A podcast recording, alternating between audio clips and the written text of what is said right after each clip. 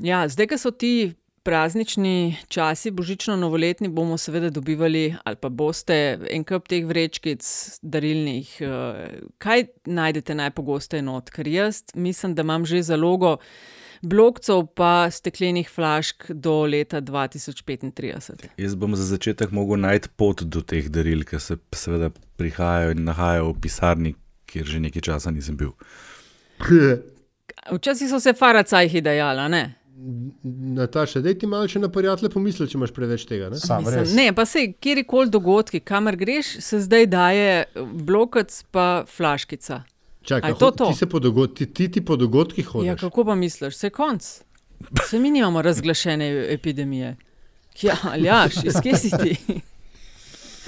Kaj pa bolje sklepaš ne? Rubido tole bi rekla, no. Ker vem, da se nam danes malo mudi. Uh, akcija, radi bi šli na večerjo, dajte nam cash, je končana. A ja, Najlepša hvala za investicije. Uh, res, res smo jih bili zelo veseli. Mal manj tega, da so dobavne poti precej sfuzlane in traja v nekaterih primerjih kar res, res zelo dolg. Tako da se res iskreno opravičujemo, ampak mm, res ni krivda na naši strani. Smo pa dobili, pazi, aljaš, dodatek nam je Ja. ja. Peter dal za, za curling. Kaj? Kaj še enkrat? Peter nam je dal dodatek za curling, tisti, ki smo se Je, pogovarjali. ja, Peter. Pa kdo pa igra curling razen Ja, ne, on je- Bitenca? ne, A on ti je igraš? evropski Aljaš, prvak. Andraš igra. A ja, zaradi tega, a ok, to pa ja. Ja, to pa ne, ja. on je evropski prvak, pa da bi organiziral ta mit, LDGD, curling mit. Ne? A nismo se ja, Ja, to pogovarjali Ti- enkrat? ti- Šefica, da najprej pove, a Hvala, glede Peter, na ja. eh, izjemno kvaliteto, eh, kakovost uh, majčk, tekstili, ja. uh, a nam je ostalo za kakšno večerjo ali smo v minusu? Je, mi gremo, uh, aljaš takoj, ko prideš. Okay? Zmenjeno. Evo, pa kr- krdimo pa tudi nekako zrihtali. Bomo, bom videl, če imam še kakšno zvezo na slovenski curling zvezi in da naredimo en tak večer. No, daj, V zunji, pa daj a ne, v zunji, se pravi tam nekaj maja. Ne? Ja, ja. Daj špico, pa imam pa eno veselo novico za Antišo. Pred nami je častna naloga. Lepo pozdravljeni vsi skupaj, po dolgem času se znova vidimo. Boljše puška v koruzi kot top v množici. Več afer, kot bodo sproducirali, bolj bom grizla in sekala lov. Vlada nima načrta za zapiranje. Kakršno koli sodelovanje s strankami, ki danes podpirajo škodljiva ravnanja te vlade, Si zavračam. vi sploh želite čim prejšnjega konca te epidemije? Te razprave ne bom nadaljeval, pa ne zato, ker ne bi bil poguben, ampak zato, ker eh, nisem neumen. To je LDGD, podcast, ki nikogar ne podcenjuje in ničesar ne jemlje preveč V resno. imenu svojih najbližjih in v božjem imenu vas pozivam na lov. Danes zapravljate dragocen čas tukaj. LDGD je podcast, pač, ki nikogar ne podcenjuje, ničesar ne jemlje preveč resno, še posebej pa ne politike. In vaši gostitelji smo Antiša Korjan, Primorske novice, Andraš Zorko Valikon, Aljaš Pengovitenc, Radio Chaos in Nataša Briški Metina Lista. Antiša zate, krasna novica. Zgleda, da je kritika, da politbizark ne jemliš dovolj resno, uh, se je prijela, oh. zmagal si. Oh. Kustec. Česti. Kuhna, kuhna. Nekaj, nekaj je moral biti, moral biti, da sem zmagal. To je res. Kustec je pripravljena ponovno kandidirati whopping 44 eh, odstotkov. Pol so se pa zalažen do zadnjega borila, performance v stari eh, elektrarni je na koncu za par glasov več, na drugem mestu pa mestna občina Krško tretja in Črnčec pa ne daleč zadaj. Uh, Za Bergamom na četrtem mestu. Tako da frišne bizarke ob koncu epizode. Potem pa kar ambiciozen urnik za danes. Eh, Zdaj, če ne bodo ravno vile padale z neba, bomo v naslednjih 35 minutah govorili o kongresih NSI in LMŠ. Um, mogoče, Andraš, tole te je kar zaintrigiral danes, ne konkretno. Um, pa kdo bi mogoče lahko zmagovito potegnil kul? Um, Diko in Kustec sta šla gladko čez interpelaciji, pa še nekaj vprašanj imamo občinstva bi na tem mestu predala besedo Andraš tebi, morda kongres NSI. Spremljali smo, zdaj nekaj časa je že od tega, da se je dobro usedlo. Tunin je pogumno rekel, da je pripravljen prevzeti vodenje vlade, potrjujejo kandidate za volitve, predstavili so program. Um, what's your take? Jaz sem zanj, ko sta se ta dva kongresa dogajala uh, v živo, tvitno Celestini in um, uh, Nataši, da, ko sem za to grdo rekel, z Prinkovim imenom. A, vse, Nataša Celestina, vse ima smisel. Uh, da sta vsak na svojem kongresu v teh dveh in, in jamrala, da morata to gledati v živo. Jaz sem rekel, da ima zavidam v bistvu. Ne? Na kar sem dobil zelo jasne um, odzive, da sem mal čuden. Ampak mene bi to res zanimalo, kako to od blizu zgleda. Namreč z obeh kongresov so prihajale novice, um, live, vmes so se celo začeli malo pokladati en drugega, kar je bilo še posebej zabavno. Še posebej, ker gre za dve stranki, ki jo vodita dva mlada, ambiciozna kamničana. Uh, kar me je pa najbolj presenetilo, predvsem skupaj, je pa ta neverjetna odmaknjenost, da ne rečem odtrganost od, od realnosti. Kar je z nekega vidika za stranko, kot je NS, ki je pač trenutno na oblasti, ne, torej v vladi, razumljivo. Vemo, to so že marsikateri psihološki eksperimenti pokazali, ko se človeka polasti moč, začnejo delati nečudne stvari v naših možganjih in se pa začnemo drugače obnašati. Ne. Tako da to je recimo strokovno potrjeno in pričakovano, da si ne opravičljivo. Višinska, ne, ampak višinska bolezen. Pa, mislim, ne moče je eno opijane, nek podoben vpliv ima. Mm. Uh, moram priznati, da, da, da, da to sem tudi osebno izkusil, se sem enkrat o tem govoril, ko sem bil član študentske vlade, zaradi česar se ta seveda pa nisem nikoli več niti pomislil, da bi šel v politiko. V glavnem, uh, če pa če že na eni strani lahko razumemo to, ne pri NSA-ju, pa tega res ne moram razumeti pri LMŠ-ju. Sporočila, ki so prihajala tam, so bile pa res vesolska. Ne. Ena od njih bom prehranil za na konc, za bizarko, ampak jaz imam res občutek, da pa Pa da, mislim, dej, dejte mi še ne vem, kje reči, reč, pa kaj imaš ti proti LMŠ? Jaz sem skozi opozarjal na ta LMŠ, ker, ker, ker imam razloge za to, ki niso osebne narave, ampak čist družbene. Uh, um, jaz sem občutek, da se predsednik te stranke, predvsem, um, še, še kar ni čist prijazno, da ni več predsednik vlade. Te izjave, kaj vse bodo oni počeli potem, ko bodo volitve. Mislim, dajte se malo zazreti v ankete za začetek. Ne? Ko ste se stopili z oblasti, uh, ste imeli podporo 29, danes je tam nekje okrog 7-8 in so med kul cool celo tretja stranka. Odkje jim zdaj ideja, da bodo oni karkoli po volitvah? Mislim, dragi moji, srečni boste, če boste sploh noč sedeli. Tako zelo. Dobro, ampak to moraš, rečeno, to moraš razumeti, da so uh, to je pa ja, železni repertoar vseh strank. Od unih, ki imajo 2%, do unih, ki štartajo na 35%.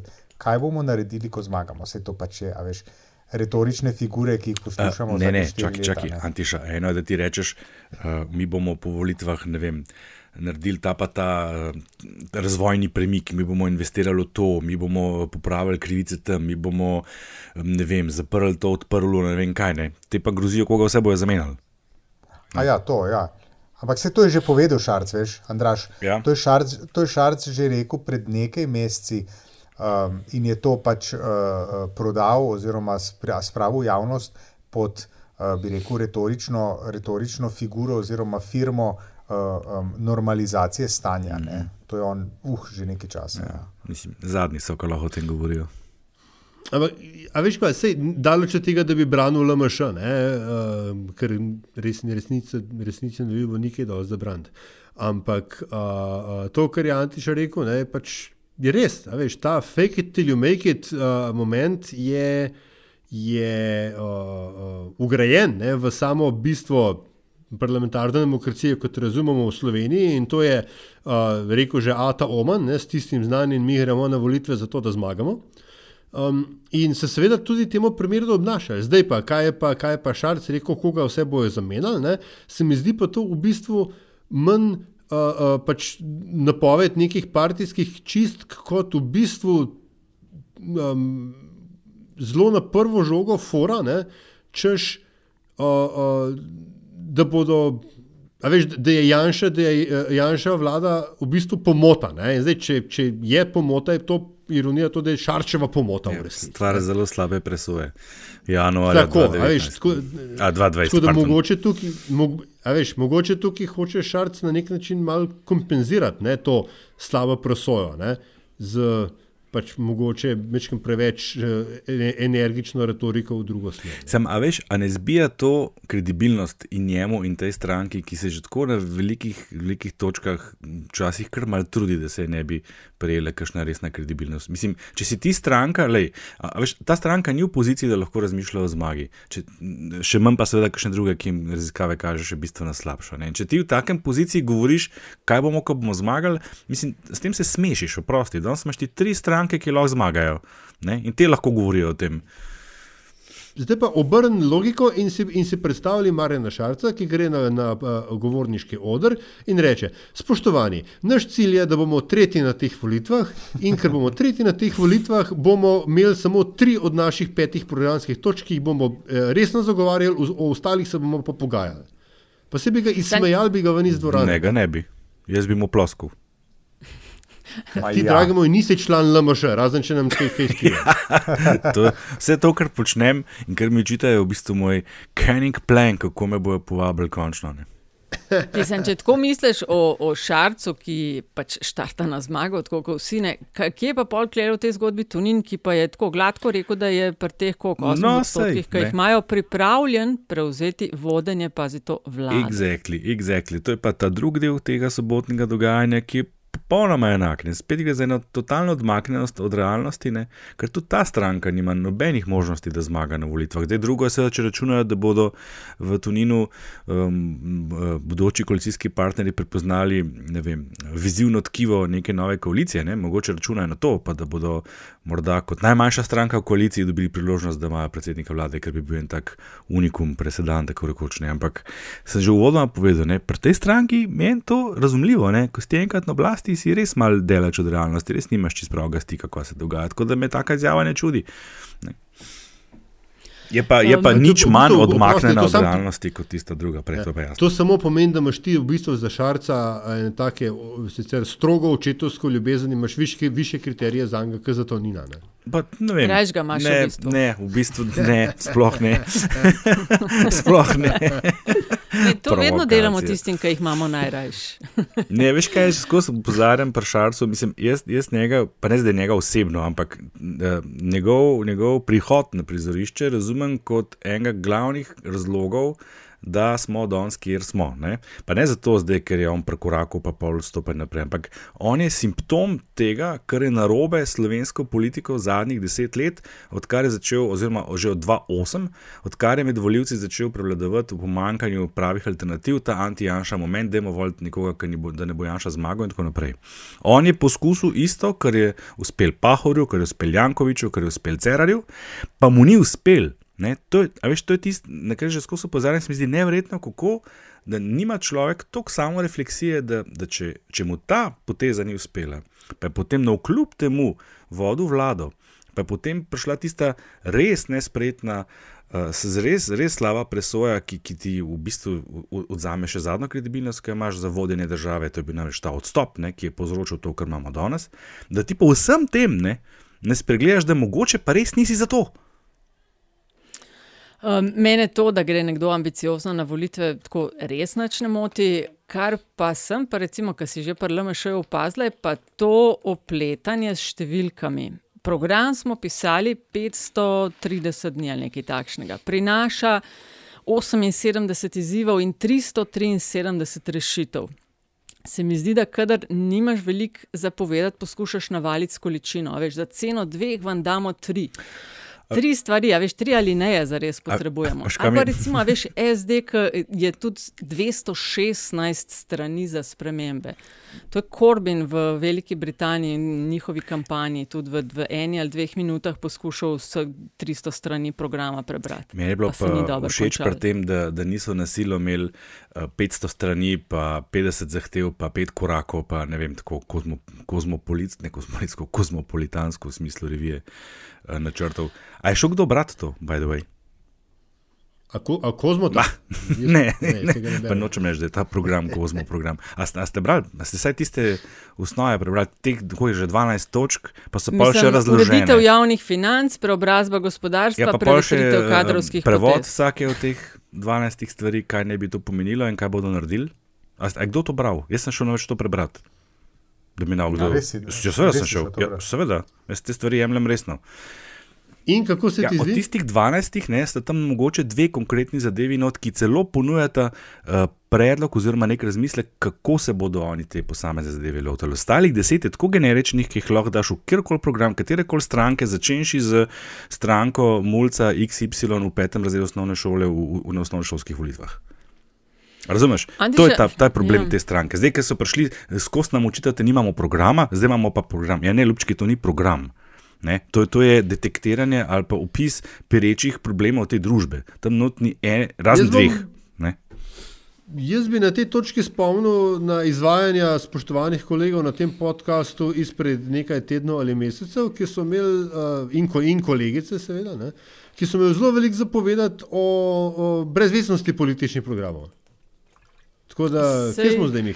Tako, A zdaj se strinjamo. Em, je, zdaj, moraš ločiti dve zadevi. Eno je, eh, eno je kaj je podstat, kaj je tisto, kar tebe sploh utemeljuje kot stranko, da imaš sploh razlog, da tam Ja. si, drugo je pa potem, kako ti to preneseš in nastopaš in delaš na percepciji tega v javnosti. To sta dve različni zadevi. Tri stvari Ja, no. rabeš, ne 500 dni, 77 izzivov, 350 rešitev. Tri. Dobar, ampak gled, na, na podlagi tega programa, zdaj, jaz ga še nisem prebral in obljubim, da ga bom, ker, ker je pravično in se spodobi, da, da ga in da jih, ne, tudi vse ostale. Uh, ampak pač si mislim, da se potem te programe in floskole, in pač, ker programi so pisani za članstvo. Ne? Uh, a veš, da, um, um, v predvoljeno sporočilo so pa pisana za ljudstvo.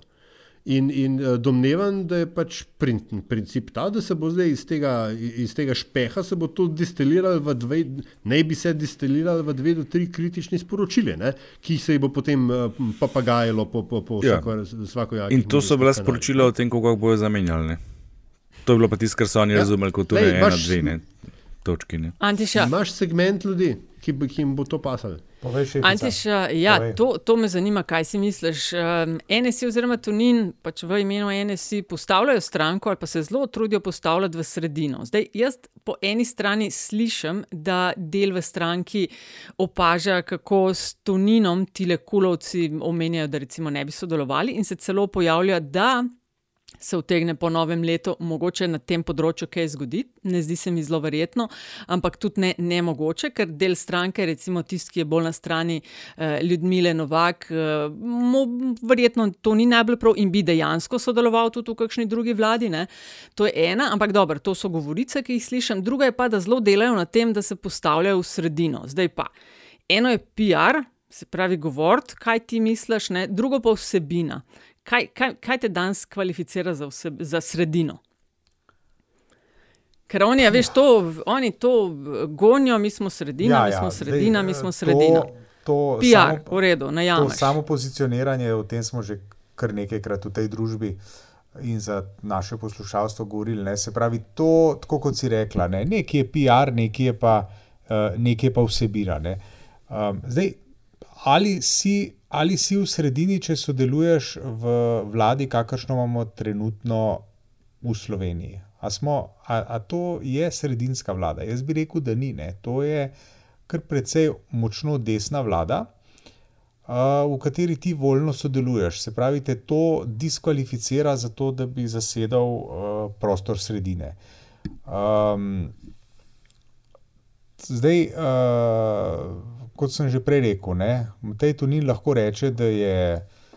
Uh, da je sredinski, lahko tudi reče, da je uh, svetovni prvak v dviganju uteži ali kaj podobnega, ampak ne, dokler jaz ne vidim unih kvihtov v luftu, si bom težko predstavljal, da je on svetovni prvak v tem športu. Ne? In enako je, enako je, za, uh, enako je uh, ko gre za njegovo domnevno sredinsko postavitev oziroma pozicioniranje. Uh, tisto, kar njega dela, recimo, da mu lahko rečemo, da ga dela sredinskega, je seveda to, da se je, to pa mu moramo priznati, da se je pripravljen pogovarjati na vse strani.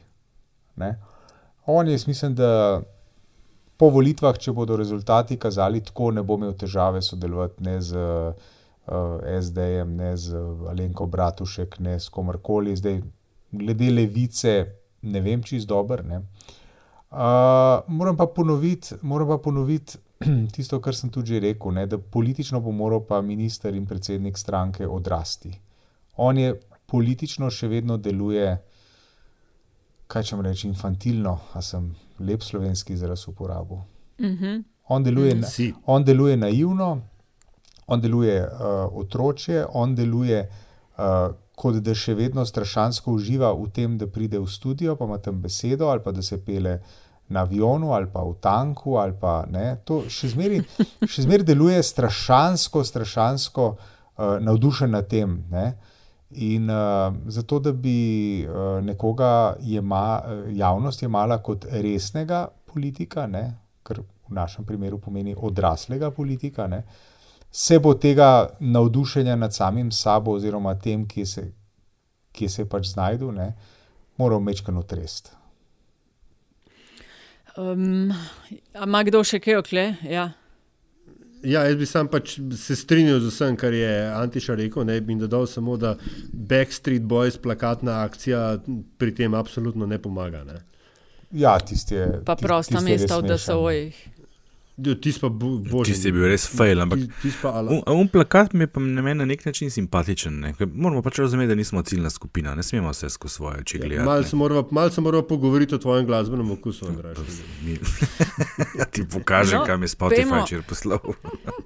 Pejmo naprej po spisku in bi eno vprašanje imela. Zdaj, prejšnjo epizodo se je bilo čisto ravno vroče vse okrog goloba. Um, na kul bi imela eno vprašanje. Z desne se poskuša intenzivno ustvarjati občutek, da eh, ekipa kul ni enotna, da so razprtije, da so tik pred razpadom. Ne vem, če to ravno drži. Ampak eh, na odboru za obrambo so eh, glasovali glede posvetovalnega referenduma, glede opremljanja slovenske vojske do 2035. Sam Levica je glasovala za, ostali ne, kar vidijo mnogi kot vem, eh, nove razprtije. Me pa v tem kontekstu zanimata dve stvari. Um, najprej, a vidimo koga petega, ki bi kul lahko potegnil in združil.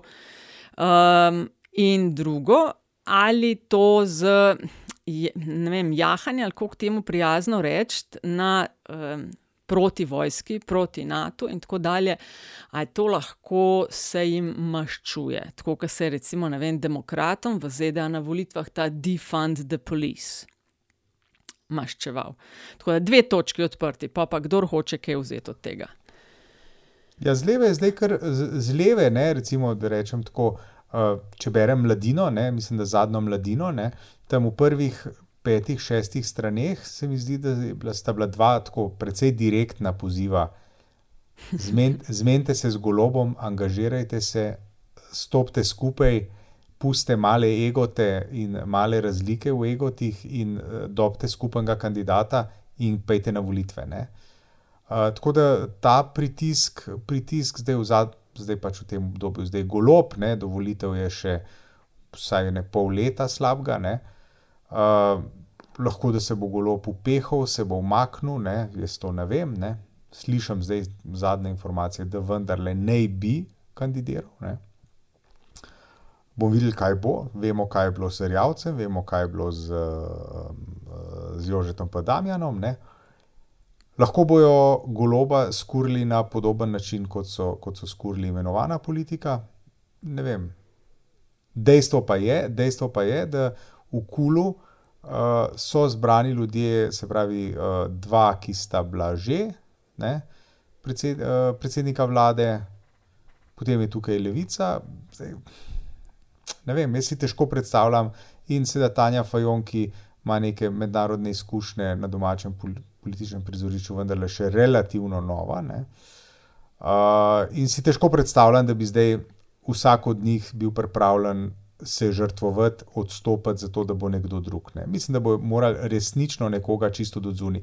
Nekako podobno kot so uh, takrat na Blejskem združitvenem kongresu od nekod privlekli uh, Drnovška, ki je potem prevzel LDS. Ne? Tle se strinjam. Jaz mislim, da če ne bodo imeli oni skupnega kandidata, ki ga bodo že pred volitvami uh, najavili, predlagali in rekli, stopili za njega, to bo naš kandidat, če zmagamo, se bodo med sabo požirali več, kot bi si želeli. Ne. Sam, a veš, Andraš, veš, kaj je problem? Uh, sam to, problem je, da to, kar si zdaj ti rekel, je seveda zelo res in jaz to vse čas že govorim, že eno leto, kolikor je ideja kula v zraku. Problem je v tem, da to predvideva podpis neke predvoljivne pogodbe, Mm -hmm. ki pa je ni, ne? ki pa je ni, oni grejo solo na Čas je še, ne? Ampak, ampak a veš, a se, a, se ni, zdi- a se ti ne zdi, lej, pravi, to, kar si rekel, Antiša, ne, imamo dva bivša premijeja, kar je, ne glede na to, da je to Slovenija, v slovenskem kontekstu sta, je to vendarle kaliber. ne. Ja. Uh, imamo europoslanko, ki sicer nima domačih egzekutivnih izkušenj, ampak ni neznano ime. Ne? Uh, in pa seveda Luka Mesec, ki ima nagovarjen svoj ele- elektorat. Veš, to so štirje relativno močni politiki ta hip. Ne? In, in uh, se mi zdi, in, in, in še to, kaj pa, če na koncu, če v zadnjem tednu, zadnjih dveh teh pred volitvami, eden od njih pobegne, a veš, v ank- anketah. Enostavno, da se nekdo izstreli in da naredi preboj, dobi 5, 6, 7 odstotkov več kot vsi ostali. Ne? Ja, Um, ja, jaz se bojim, da za- bi se v tem primeru zgodilo tisto, čemu je ena moja sogovornica, ki zdaj živi v Ameriki, zdravnica sicer in tako naprej.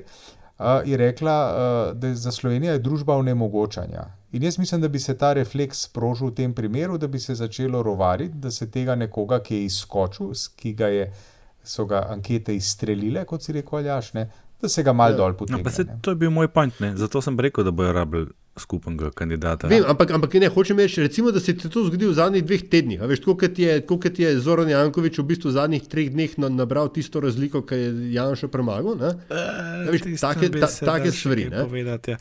Ampak, v redu, ampak hočem, hočem reči, zakaj bi zdaj od katerega koli od teh štirih ali pa od vseh štirih ne, a, lahko sploh realno pričakovali, da se bo odpovedal potencialni končni zmagi. Ne? Ker del je pač tak, tisti, ki zmaga, dobi premijejstvo. Ga če je predlaga, kaj- ne, ne, od- Aljaš, od- tam je dikcija predlaga, ne dobi, predlaga. Ni izključeno to, da predlaga nekoga četrtega, a, petega. Okay, mislim, pa, meni se bi recimo, bolj logično zdelo, da če ne bi bilo očitnega zmagovalca mm. med temi štirimi, da pač postfestom nekoga od zunaj potegne. Lahko se tudi rečeš vnaprej, če ne bo jasnega zmagovalca med nami štirimi, bomo poiskali kompromisnega Mislim, kandidata. še- Ampak ne vem pa, zakaj bi zdaj vnaprej rekel, z njim ali z njo bomo šli. A veš, Te stranke Izvoli. imajo še, še en išju, ne, lepo slovensko rečeno. Ne. Zelo različne so si med sabo v resnici. Levica je pač res levica. Oni imajo tam zelo jasno ideološko pozicijo, imajo tudi od vseh zelo jasen, najbolj jasno artikuliran program in pričakovanja. Vemo, kako so te stranke eh, z levico sodelovali, oziroma niso mogle sodelovati nedolgo nazaj. Ne? In zdaj, če bo prišlo do tega rivalstva, jaz tle recimo vidim levico kot tisto, ki bi lahko v nekem trenutku potegnila, ker eh, jaz mislim, da tole, kar se zbira okrog teh nevladnih organizacij, kar se je zbralo na referendumu v končni fazi, da se bo v največji meri, kar se bo, se bo prelilo k levici, ker se najbolj, najbolj eh, pokriva s tem, kar je, kar je ta del populacije v bistvu uh, hoče slišati in pripravljen uh, podpreti. Zdaj, če imaš ti nasprot sebe enega tazga arch enemija, ne, uh, imamo primere, ne vem, uh, zdaj recimo na mačarskem, ne, se je zbrala opozicija, komplet vsak, ki se je lahko, ne, tam noč so uh, desničari, ki so skrajnejši od Orbanovih. Skupaj z največjimi levičarji, ampak vse z enim jasnim ciljem, da je Orbana zamenjati. Ne? Tle pri nas je dost podoben, ne? jasen cilj je, da Janša ne sme zmagati. Uh, ampak, ne, če bodo oni zdaj znotraj tega tekmovali med sabo, potem uh, bodo dobili na koncu manj glasov, kot bi jih sicer. Ne. Zdaj, a se bodo zmenili za enega izmed njih ali pa enega zunanjega, karkoli tega bo seveda boljše. Seveda, če se A bi za veš- enega izmed njih, potem bodo ostali voljivci malo razočarani. Tako, zato pravim, da je za njih ključnega pomena in sorry, sem da dokončam. A veš, to je prvi tak primer v Sloveniji po de, Demosu. Po Demosu nismo imeli še nikoli tazga primera, da bi imeli neko predvoljeno koalicijo, ker imamo pač proporcionalni sistem, bla, bla, bla. ne. Uh, Tisti trojček takrat je bil tako zelo ad hoc, pa en teden pred volitvami. Uh, ni pa rečeno, da se ne bo na drugi strani tudi kaj tazga pojavil, ker paste, kaj se dogaja tam okrog tega povežimo Slovenijo. ne. Kamor sem na zadnje slišal, celo že novo Slovenijo tiščijo noter. a veš, kjer primer Uh, samo, samo na potencialno... faktično, oprosti, Nataša, sam uh, Andraž, da te dopolnim. Bil je en poskus predvoljivne koalicije, rekli se je koalicija Slovenija in oblikovali so jo uh, NSI Andreja Bajuka takrat še in uh, SDS. Čakaj, kdo je bil že predsednik SDS? En lik iz Čakaj, kdo je že bil? Kje je že, odkot je že? Ja. Ja, Ne, skratka, ampak Nataša, oprosti, sem, sem te prekinil. Ne, ne, Sam- ne, sej, v bistvu se bom malo navezala, mislim, boš ti mogoče lahko malo pomagal. Kjer primer rešitve tega mogoče potencialnega problema, o katerem razglabljamo, se mi zdi. Primer Italije, eh, Mario Draghi, februarja je postal premijer, eh, če mi daš minutko. Februarja je postal premijer Italije. Na to mesto je prišel z mesta predsednika eh, Centralne ECB. Evropske banke. Ja. Rešitelj evra, tiste evrodolžniške krize, skratka, um, en tak dober imič, visoka funkcija. V Italiji danes se zdi, da je spet en tak faktor, notranjih razprtij ni, stranke ga leve, desne in umestne podpirajo, na zunaj delujejo stabilno, COVID so imeli hudo štalo, ki se zdi zdaj pod kontrolo. Na njihovih ulicah, lahko vidva, potrdita, verjetno ne, iz lastne se maske zares tudi nosijo in kle ni take drame, kot pri nas. Uh, migracije so imeli velik problem, ne. ni skakanja tipa Salvini. Model umirjen, birokrat, tak tehničen človek, uh, ni v medijih, kot smo gledali Berlusconija, ima podporo javnosti, zna prepričati. Ne vem, jaz v Sloveniji seveda takšnega ta moment ne vidim, razen Čeferina, ki pa ga to ne zanima. Ne. Ampak lej, nimamo rešitelje evra, imamo pa rešitelje Eurolige, ne. ampak še vsem se mi ne zdi, da bi on eh, želel na ta položaj priti. Ampak. A veš, en tak, nekdo, ki ta, od X pride. tako kot dragi, mora tako bojim, da nimamo takih po glih. dejanju, ne, po volitvah. Ker dra, dragi je prišel kot te, tehnični mandatar, potem noter, ko s- Ja, se lahko tista stranka, ki bo, a veš, dobila največ od kula, ki ima pravico, Razumem, da zbere ampak hočem reči, po mojem mnenju, no, pol. eh, se mora ta proces odviti po volitvah. A veš, glede, glede na rezultat. Sej lahko, da se motim, ampak se mi, se mi zdi, a veš, in pošteno do voljivcev. Ne, in pa tudi spoštljivo do, do koalicijskih partnerjev, da si vsak od teh štirih, da si dajo medsebojno priložnost, ne, da, pač, da pokažejo vse, kar so. Ker, ker če pa ne, ne, potem je pa to absolutno in dokončno samo dokaz, mislim, dokaz, pokazatelj tega, da, da je vse, kar je treba narediti, je, je Janša premagati. Ne? Definitivno pa, če nas vse razumem, se kle obetajo potencialno eni izzivi.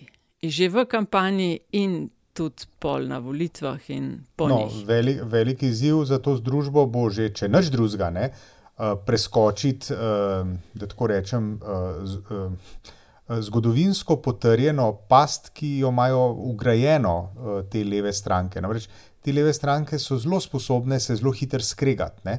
Zadnji primer je bil to, o čemer je prej Andraš dosti na, na dolgo govoril, se pravi ta uh, januarski odstop leta 2020. Ne. Uh, Pa še, ne, še, še na eno tako stvar je treba upozoriti. Ne? Mi smo že imeli primer zmagovalca volitev, ki ni bil sposoben uh, sestaviti vlade. To je bil Zoran Jankovič. Mhm. Zato, ker se oni, fanti, med sabo niso znali zmeniti. Mislim, mislim, da je bilo takrat nek, nek uh, ne najbolj prijateljski pogovor med Borutom Pahorjem in uh, Zoranom Jankovičem, ker ne vem, ali Pahor hotel biti predsednik parlamenta ali ne vem točno, kaj že je bilo. Ne. Uh, Jankovič je šel k njemu v bolnico in se tam nista, ker je bil neki operiran, se nista prav hitro neki dobro mogla zmeniti in je stvar, stvar propadla in za neko obdobje, spet dobro leto in pol, ali kako je že bilo, je zavladal Janez Janša. Ne. Tako da sposobnost levega bloka, da zapravi priložnost, ki jim voljivci dajo, je v bistvu ta talent zelo velik. Andraš, kaj pa meniš ti, ki številke bolj pretresaš? Uh, smotrnost tega um, levičinega um, napadanja našega članstva v NATO in uh, stroškom za opremljanje vojske, z seveda povsem razumljivimi, da sta mogoče vem, zdravstvo, stanovanja, druge stvari, ta moment uh, bi mogla biti prioriteta. Ker, veš, 7000 imamo aktivne vojske, to, so, to, je, to je disciplinirano volivno telo. Ne vem, ali se ti to zdi pametna taktika. Mislim, oni so tle pač zvesti sami sebi. To imajo oni v programu že vse čas, če se dobro A veš spomnim. kaj, ne, če, če lahko sam dodam, veš, zakaj to pravzaprav me tudi zanima? Ne? Ker sem ujela izjave NSA, je bil to Nin ali ne vem kdo, ker tudi njihovo vprašanje je lahko pravica do splava. Ne? Oni so svoje čase tudi mal jahali na tem, pa so bili v prvih vrstah na referendumih. In oni so zdaj to pustili v zadej, češ to ni naša prioriteta, imamo v ustavi bla bla zagotovljena Ja, pravica. ampak- Čeprav veš, Ja. če bi prišel do bitke, kje bi bili. Ne? Ja, mislim, vem, zato ker imam številke. Ne, uh, splav ima bistveno večjo podporo kot NATO, oziroma pravica do splava. Tako da jaz na, na, na, na mestu NSA se tega iz taktičnih razlogov ne bi loteval, loteval ne zato, ker uh, z- to ni prioriteta, ampak zato, ker bi britko izgubili. Bi bil podoben poraz, kot je bil na referendumu v vodi. Medtem ko pri NATO pa se to bi drugače odvijalo. Mislim, da tle čisto razumem levico, to je pač njihov sestavni del eh, programa, njihove drže, to, to mislim, da res od vsega začetka že noter in na ta način oni ustrajajo, so konsistentni pri, pri svojih eh, stališčih oziroma mnenjih in uh, zadovoljijo kar lep del volilnega telesa. In veš kaj, nič ne morejo izgubiti, zato ker taka stvar Mhm. bi se lahko samo na referendumu rešila in dvomim, da bi šel referendum skozi. Tako je, in pa bi pač to. rekli, da probali smo, ne, pa ni šlo. Tako kot družinski Ampak zakonik, čakaj, na nek način drugo posvetovalni referendum. Ne?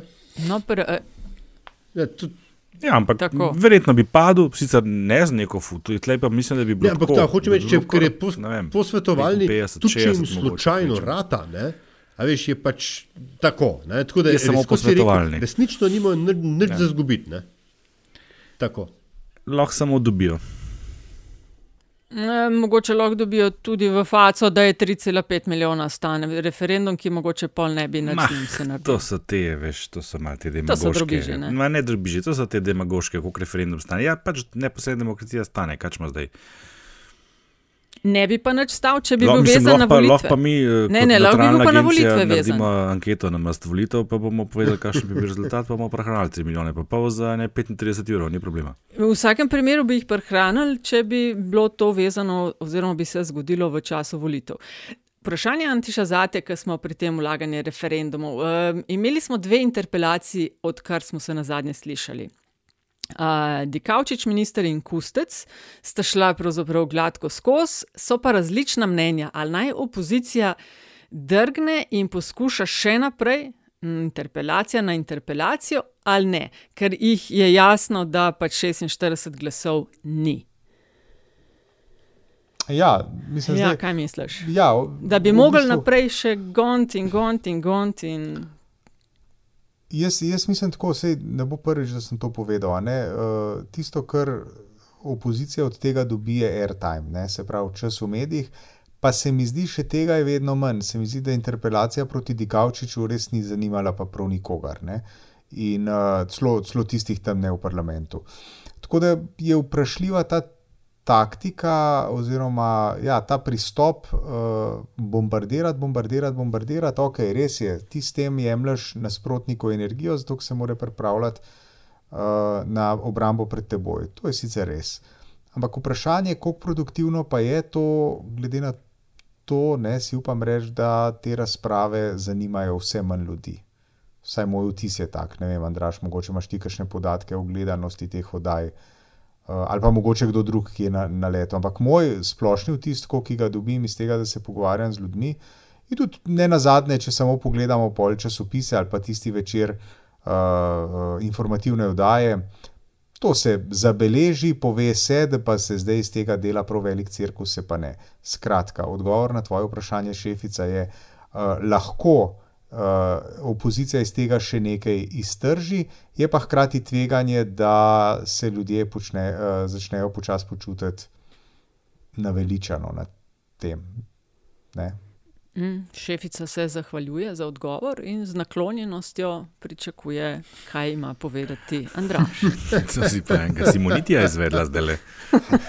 Enega Simonitija je šefica vžgala. Ja, je, ne, enega Simonitija, pa ne sam, pa ne sam to, a ste padli še neki, ne. Pred časom je rekla, pa da nehte s tem Ja, ja, ja, zdaj, pa, ja. zdaj pa to, kar, kar sem Zdaj sem se pa, veš, Navlekla navadila. se je, To je ta navlekla. višinska bolezen, veš. Ja, pazi je, no, vidiš. Še no, malo pa bo v tanku no, prišla na snemanje. medtem že sicer čisto pozabil, kaj je bilo vprašanje, ampak Še okay. malo. Še mal. Jaz predlagam, da gremo na vprašanja poslušalstva. E, Ja, eh, aha, gremo na vprašanje. Ker imamo eno časovno omejitev. Ja, ja, ja, imamo, imamo, ampak samo konkretno lahko še mogoče kaj rečemo o povezovanju novem, nam se novem, že najavljenem na desni. Vemo zdaj pač, da bo stranki ime konkretno, gre za združenje uh, SMC-ja, ki se bo pač preimenoval in skupaj z Gasom šel v konkretno. Konkretno brez veze. No? Ja. Konkretno se je zagrebil. Konkretno brez veze. Če kaj ima pa že leben, leben ima kam pa on že. Ali ima zdaj z pika dej. No, ja. Z dej, zdaj. Ti, ampak ali ja, jaz pa ne bi rekel, da je to brez veze. Kaj, veš, kaj se tle, ja, zdaj z vidika strank, ne, težko in sploh še lahko rečemo stranke v resnici, ne, sploh gasu. Um, zadeva je bila mogoče sprejeta pod malo preveč gasa, kaj pa veš. V glavnem, um, zdaj se združuje koliko je tam ostalo, 300-400 članov SMC, uh, pa bolj pomembno, nekih pol milijona evrov na računu, in na drugi strani predsednik državnega sveta, ki pa vendarle je ena od štirih glavnih političnih funkcij v državi, ki ima tudi ustrezno pozornost. Tako da ta dva gospoda bosta imela nesorazmerno mhm. veliko pozornosti, glede na to, kakšen ugled in rejtinge danes uživata.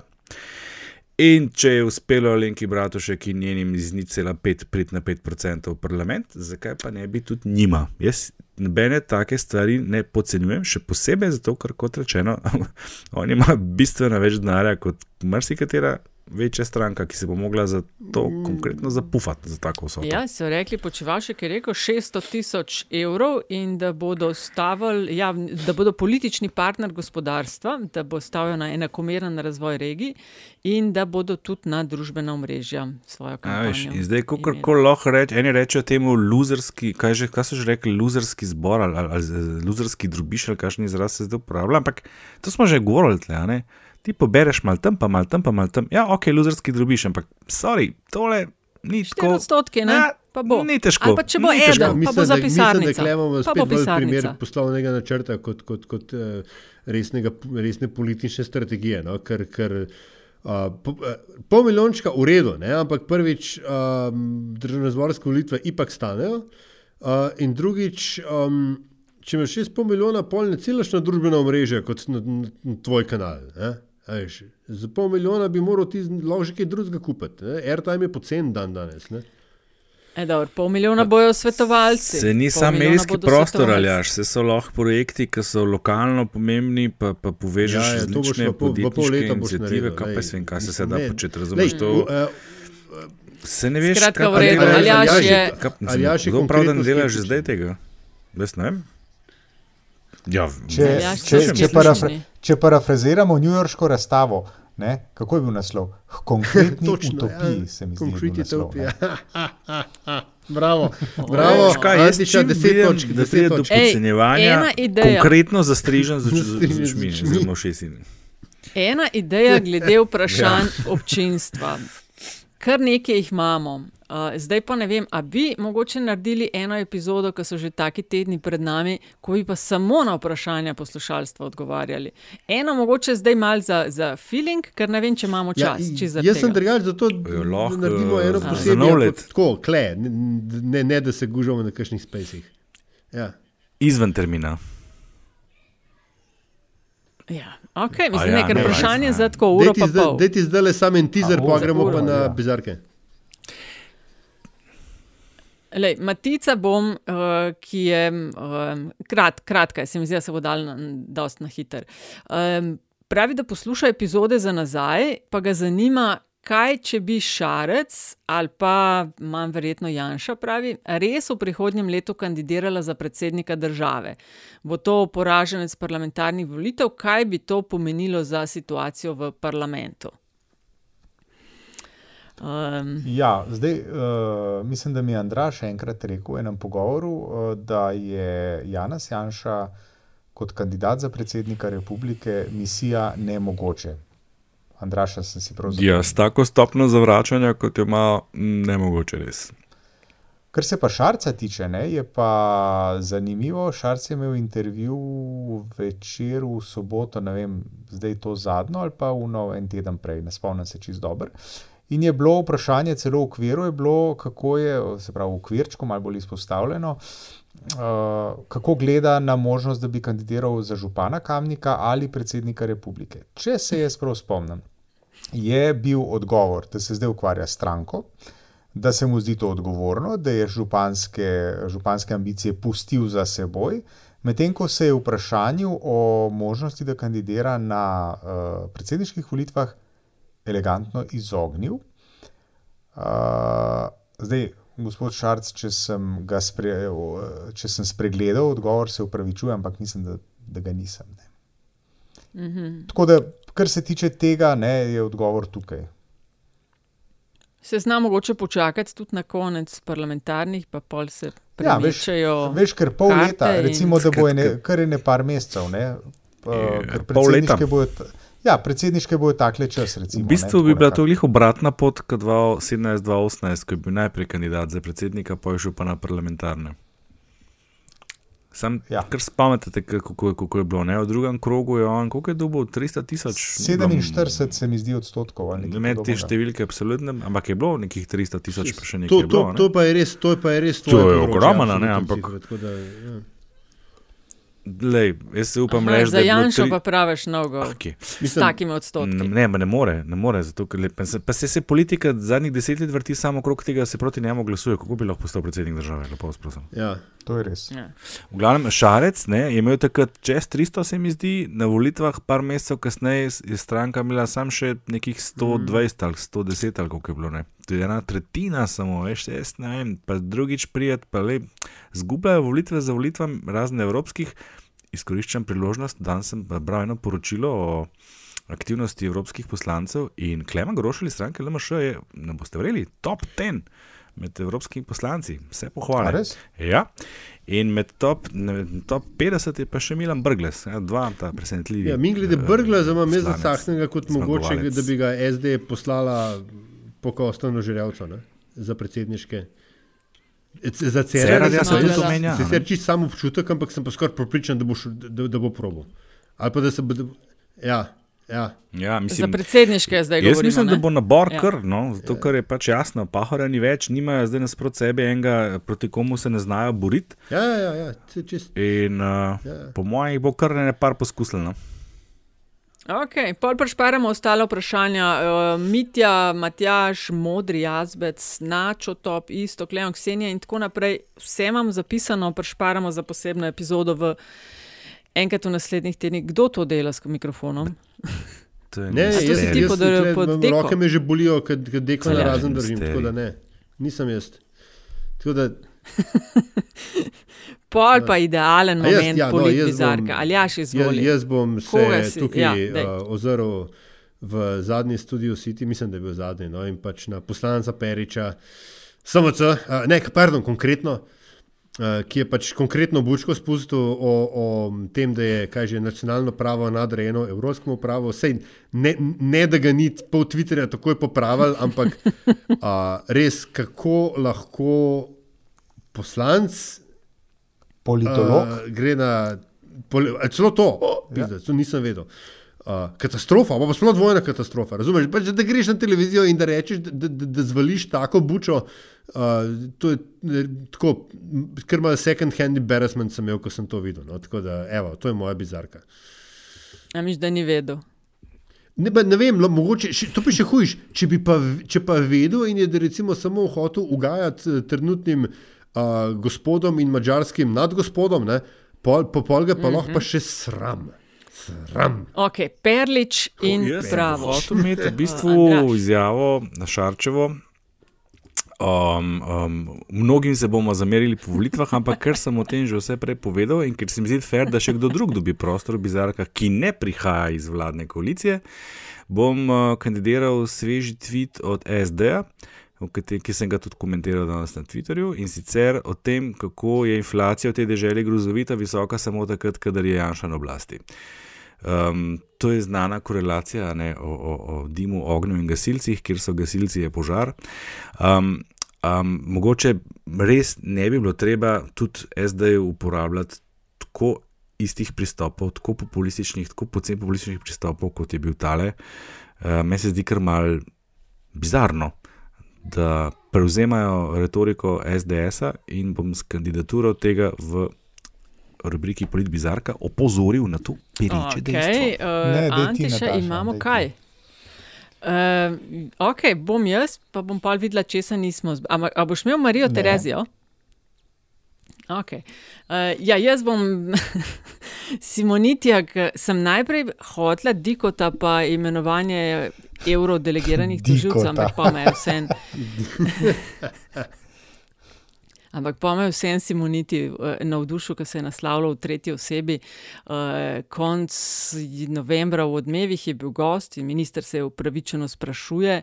Ta hiša je bila neprimerna, preden je minister prišel, minister ni prekinil financiranja in tako dalje. Skratka, šefica bi želela predlagati naslavljanje gospoda ministra Simonitija v tretji osebi, ko je gostoval v odmevih in šefica tudi z naklonjenostjo spremlja Radio Gaga in predlaga v posluh uh, interpretacijo Simonitija v režiji vrhunskega gospoda Artača. Tako da šefica sklene, uh, oziroma predlaga Simonitija v tretji osebi.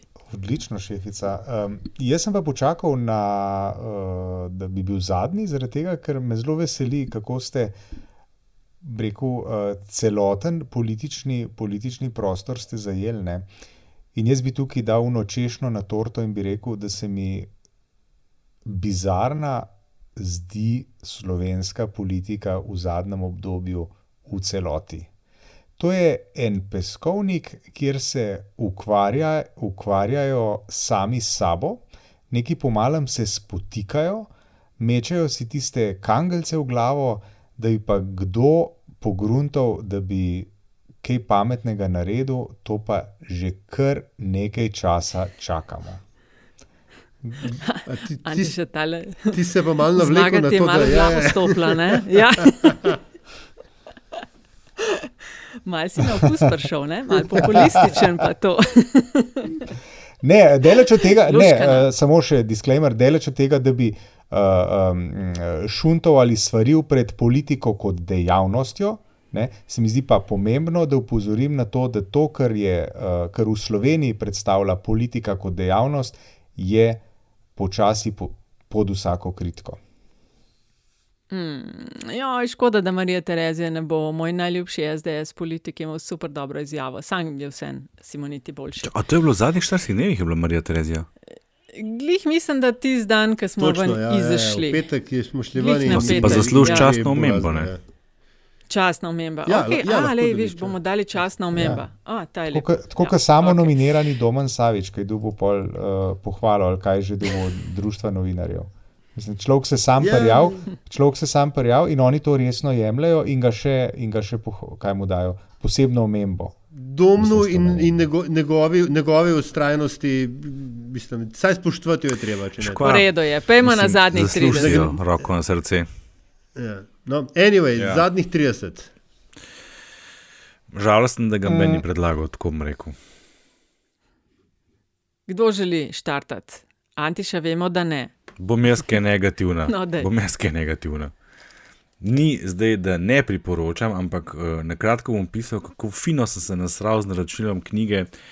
Skriv, eh, knjiga, knjižice, skrivna zgodovina Slovenije. En dan sem na netu, verjetno na Twitterju, ker predolg visim, uh, zazrl ponudbo, da prvih 50 kupcev dobi tole knjigico z originalnimi poslikavami ilustratorja in podpisi avtorjev, med katerimi je tudi Miha Macini, ki ga sicer zelo spoštujem.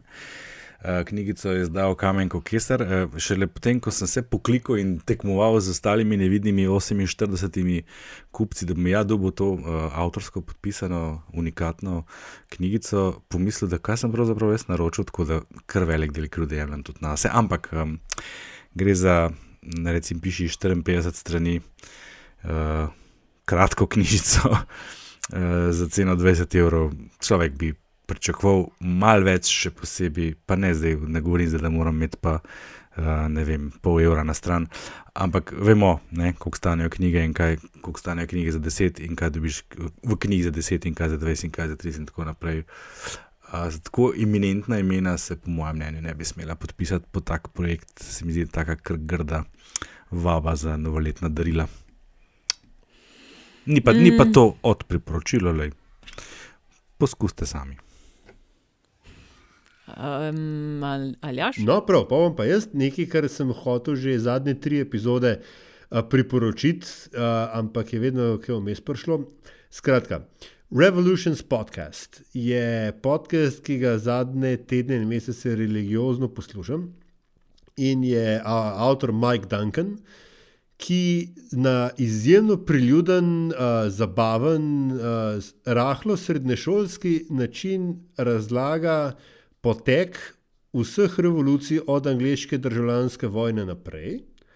In te v bistvu skozi eno zelo strnjeno in zelo zabavno pripoved ti pokaže, kako je nastanek današnjega modernega sveta, vsaj zahodnega, povezan med sebojno, čeprav smo recimo v šoli te stvari jemali bolj kot ne kot samostojne enote, ne, ki so bile le na ključno med sebojno povezane in je, in je super zabavno, super poučno. Um, in, in toplo priporočam, že samo zato, če imate preveč časa, če vas pa zanima, sploh mogoče ne, to obdobje, nastanek moderne države in tako dalje. Je pa, je pa uh, nujno poslušanje, in jaz v resnici ne vem, zakaj sem čakal do zdaj, da sem to našel. Okay, Antiša, ja, si, jaz bom, uh, jaz zadnji, bom ne? naredil en. Uh, ne, bom Okej, hvala. Nataša, za besedo. jaz, bom naredil, jaz bom naredil en uh, spin-off uh, enega nedavnega mojega, uh, mojih 30, zadnjih 30. Ne? In sicer tistega, ko sem uh, izrazito pohvalil eno dokumentarno serijo na hrvaški televiziji, ki se je lotevala uh, vprašanja NDH. Uh, zdaj napovedujejo uh, podoben projekt, ki prihaja v kratkem na zaslone Hrvaške, prve, prvega programa Hrvaške televizije in sicer se bo ukvarjal s, hrvaškim, uh, s hrvaško pomladjo. Ne, to je bilo v zgodnih 70-ih letih eno gibanje pač, uh, na Hrvaškem, ki so ga potem zdrave sile uh, zatrle. Uh, ampak pač, uh, tisto, na kar bi rad upozoril, je to, da nacionalna televizija uh, v soseščini dela zelo dobro produkcijo dokumentarnih filmov in bi se morda veljalo uh, po njih zgledovati, še posebej novo vodstvo nacionalne televizije. Moje priporočilo v zadnjih 30 je pa dokumentarni film 14 Peaks, Nothing is Impossible. Netflix. Gre za zgodbo o Supermanu iz Nepala, ki si je zadal uh, hud cilj splezati vse 8 tisočake v pol leta, 14 najvišjih vrhov uh, na svetu. Prejšnji rekord je bil sedem let. On je to naredil 2019, eh, dejansko preplezal vse v pol leta. Um, Nekako je šlo to takrat mi mene, nisem ga poznala, niti ne njegove zgodbe, nisem nič vedela o tem, kaj je naredil. Sem pa nam postala pozorna pred par meseci. Uh, ena članica naše ekspedicije na Severni pol je šla namreč na, na Everest, pa Ama Dublin pred tedni in on je bil tisti, ki jih je vodil na tej ekspediciji, pa je bil pol poln Instagram in je deloval tako strašno energično. No, in pa pa kakšen teden nazaj, da je prišel ta dokumentarec, njim zdaj Purđa. On je tudi avtor tiste znamenite fotke gneče na Everestu iz leta 2019, takrat, točno takrat, ko je delal ta a, rekord. Gledaš dokumentarc, eh, je s takšno lahkoto se ti zdi, da je ta paket 14 naredil, da se res samo čudiš. Tako da 14 piks, nothing is impossible. In to nas pripelje na konec, kjer rečemo še enkrat hvala vsem ne, za investicije v naše tekstilije. Akcija je končana in v naslednjih tednih tisti, ki jih še niste dobili, majčke bodo na vašem, uh, v vaših nabiralnikih. Želi še kdo š- zaključiti? Zadnja beseda. Zahvaljujemo se polovička. vam za pozornost. Sem mislil, da se nam bo Antiša zahvalil, ko smo končali v skoraj predvidenem roku. Ja, pa brez zamere. Malo prej, ne? Sam res. Super, šibam delati. Uživajte. Čau, Ajde. čau.